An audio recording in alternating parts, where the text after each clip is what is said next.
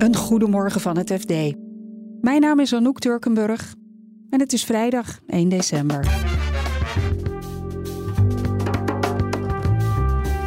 ASML krijgt een nieuwe CEO. Die groei begint onderhand te knellen. Nou, dat is een van de dingen die hij moet aansturen. Bij het concertgebouw blijken bestuurders een dubbele pet op te hebben. Ze hadden zich onmiddellijk bewust moeten zijn dat je dat dus niet doet. En het opdrogen van het Panama-kanaal is een ramp voor de wereldhandel. In die optiek is het gedoe rond het Panama-kanaal is eigenlijk betekent een inflatierisico. Dit is de dagkoers van het FD. Chipmachinefabrikant ASML heeft een nieuwe CEO aangewezen, Fransman Christophe Fouquet. Een vertrouwd gezicht achter de schermen, maar voor de buitenwereld nog redelijk onbekend, vertelt tech-redacteur Sandra Olsthoorn. Het is niet iemand die heel veel naar buiten trad namens het bedrijf, dus we kennen hem niet zo heel goed. Wat we weten is, ja, hij werkt dus al uh, sinds 2008 bij ASML. Uh, verschillende functies daar gehad. Sinds een jaar of vijf zit hij uh, nou, in het hoogste bestuur.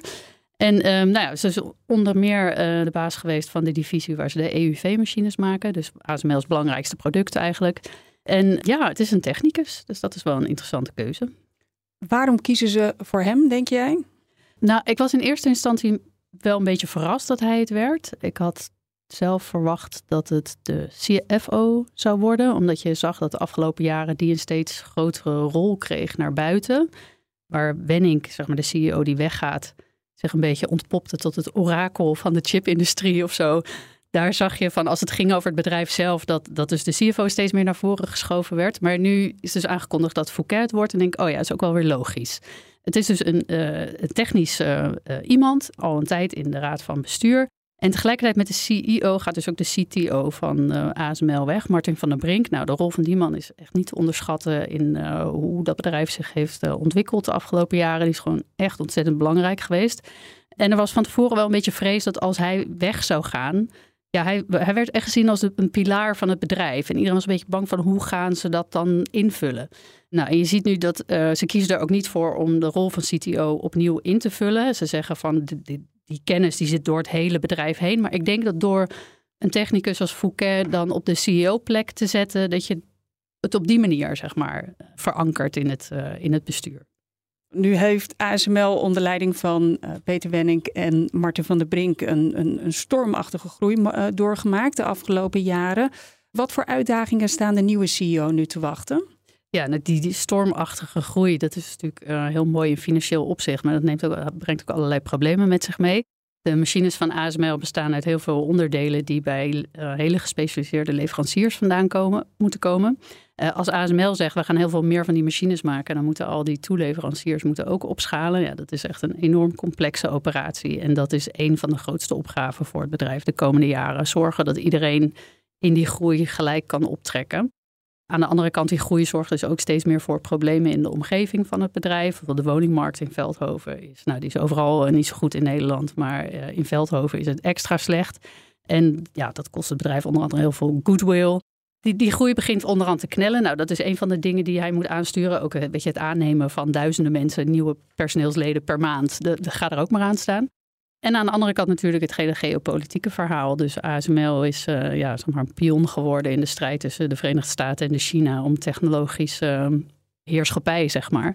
En die Amerikanen zien China, of uh, ASML wel, als een handige, handige pion, zeg maar, daarin. Als je zorgt dat die machines van ASML niet naar China gaan, dan weet je zeker dat je dat land op, achter, op achterstand kan houden. Um, dus daar hangen steeds nieuwe exportverboden naar China boven het bedrijf. En ja, hoe, het bedrijf daardoorheen moet navigeren, dat wordt natuurlijk ook heel belangrijk de komende jaren. En dan het Amsterdamse Concertgebouw. Een geliefd goed doel van de top van het Nederlandse zakenleven. Maar niet alles verloopt er in harmonie. Zo ontdekten journalisten Gerben van der Marel en Jasper Been. Verschillende bestuurders blijken al jaren een dubbele pet op te hebben. Gerben legt je zo uit waarom dit schuurt maar eerst vertelt hij nog even wat het Concertgebouw Fonds is. Het is een uh, goede doelenstichting.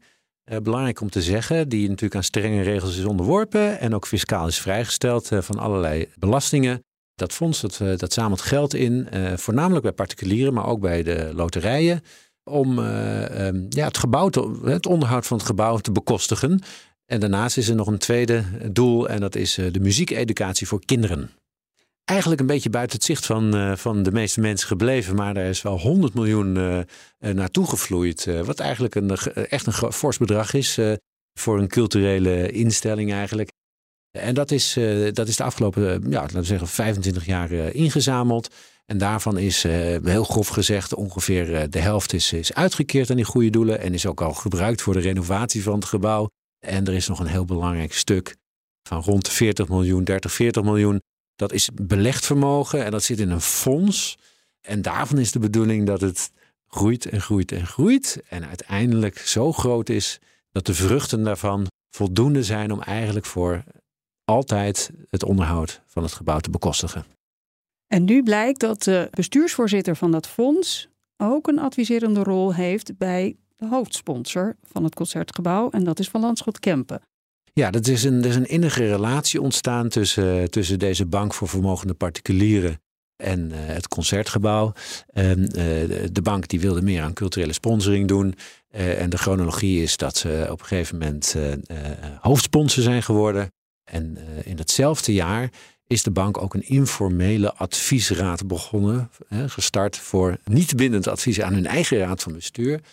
en voor die adviesraad, waar geen grote beloning tegenover staat, maar wel een geldelijke beloning van 20.000 per jaar, hebben ze eigenlijk een drietal bestuurders uit de culturele sector van cultuurpartners voor gevraagd om daar zitting in te nemen. En wie zijn dat? Dat was in de eerste plaats uh, Volker Doekse, bekend uit de private equity wereld.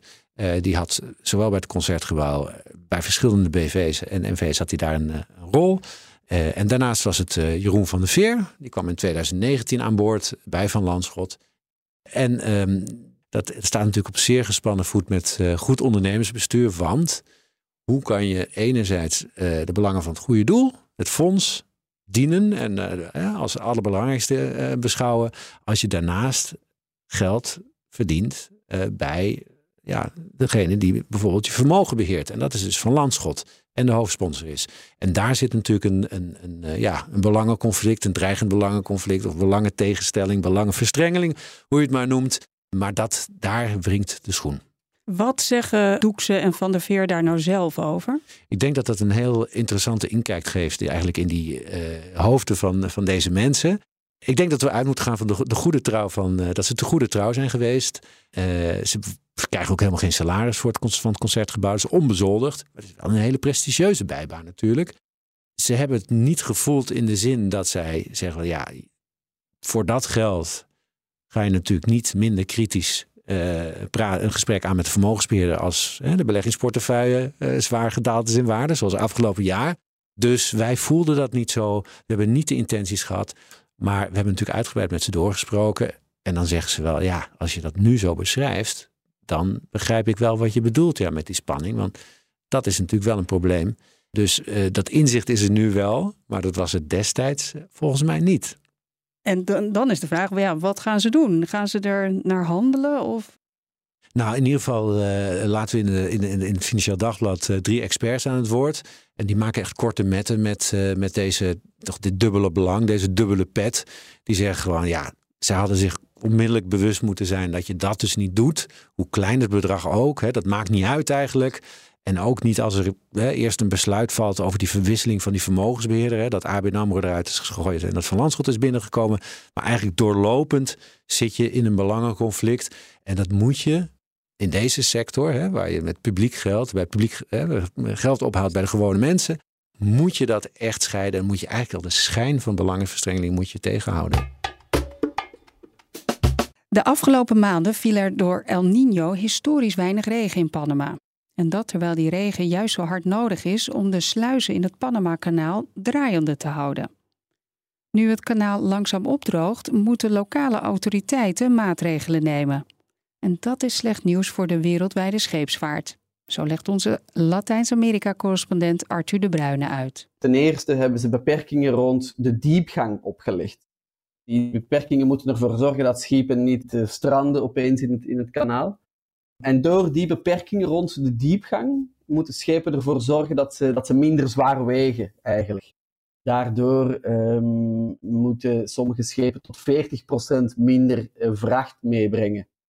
Anderzijds uh, hebben die uh, Panamese kanaalautoriteiten het dagelijkse aantal transits uh, beperkt.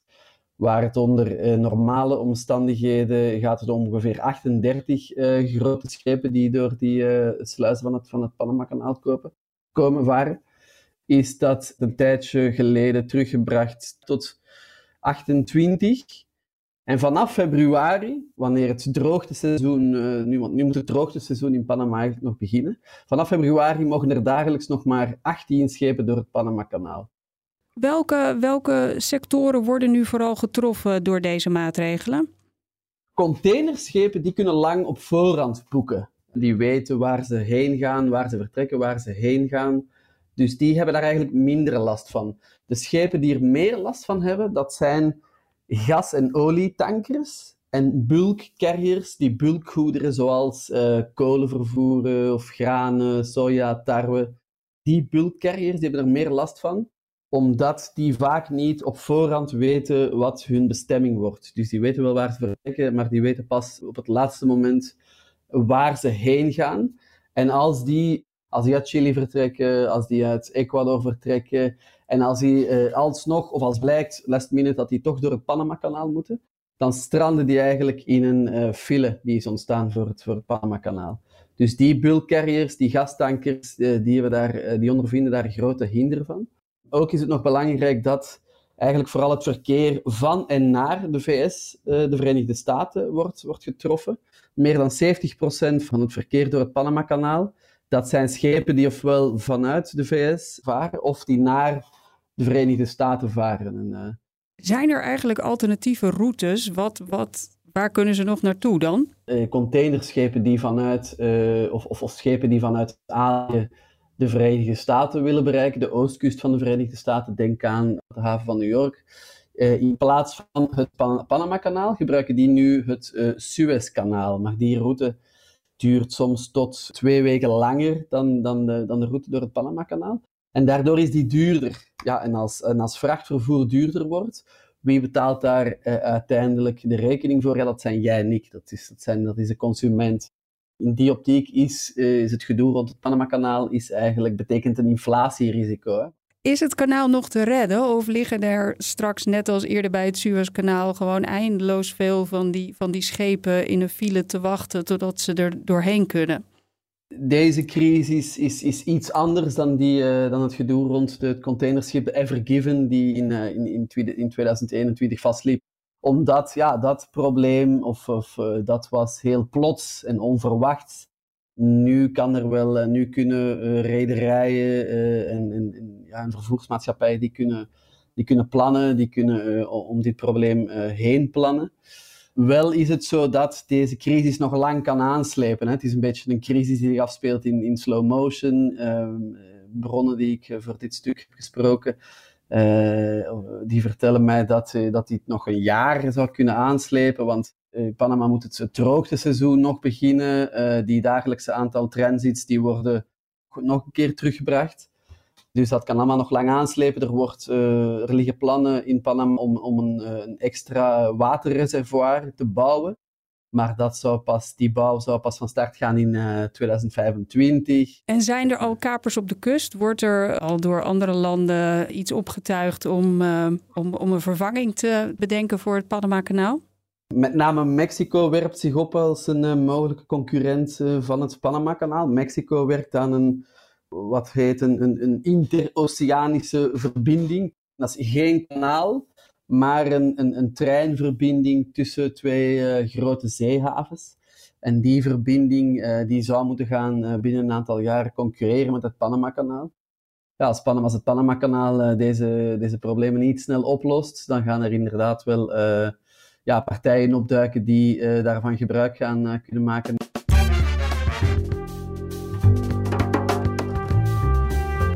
Dit was de dagkoers van het FD. Maandag zijn we er weer met een nieuwe aflevering. En in de tussentijd volg je al het belangrijke financieel-economische nieuws in onze app.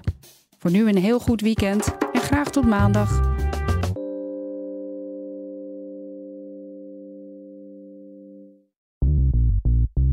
BNR ben je altijd als eerste op de hoogte van het laatste nieuws. Luister dagelijks live via internet. Jelle Maasbach. Wesley Weert. We zijn er voor je met het leukste, opvallendste, maar natuurlijk ook het belangrijkste nieuws. Tijdens de presentatie van die halfjaarcijfers toen die beurskoers in elkaar kukkelde. BNR Beurs. Voor de slimme belegger. Blijf scherp en mis niets.